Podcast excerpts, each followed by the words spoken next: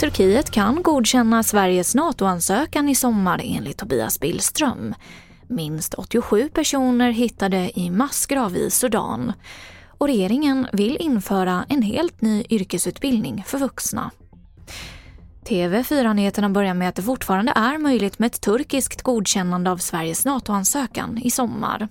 Det här menar utrikesminister Tobias Billström som därmed motsäger gårdagens uttalande från president Erdogan att ett godkännande kan dröja till i oktober.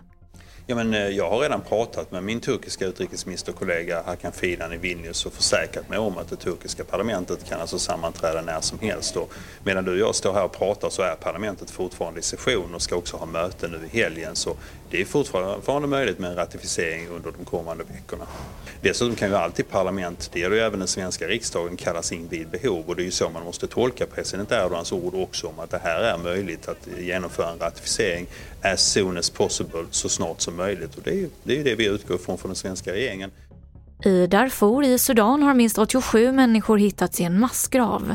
Det här meddelar Folker Türk som är FNs högkommissarie för mänskliga rättigheter.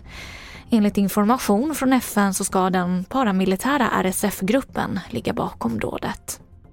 Europeiska läkemedelsmyndigheten ska utreda om fetmaläkemedel ökar risken för självmordstankar och självskadebeteende. Det här skriver DN.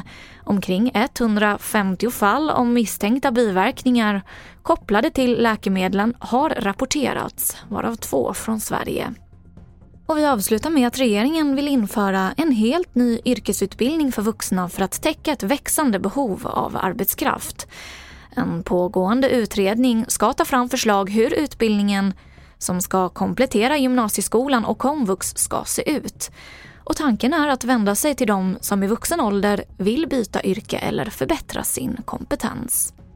Det här var det senaste från TV4 Nyheterna. Jag heter Emily Olsson.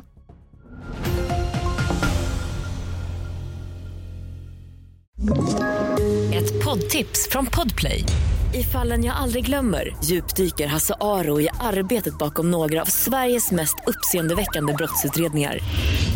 Går vi in med hemlig telefonavlyssning och, och då upplever vi att vi får en total förändring av hans beteende. Vad är det som händer nu? Vem är det som läcker?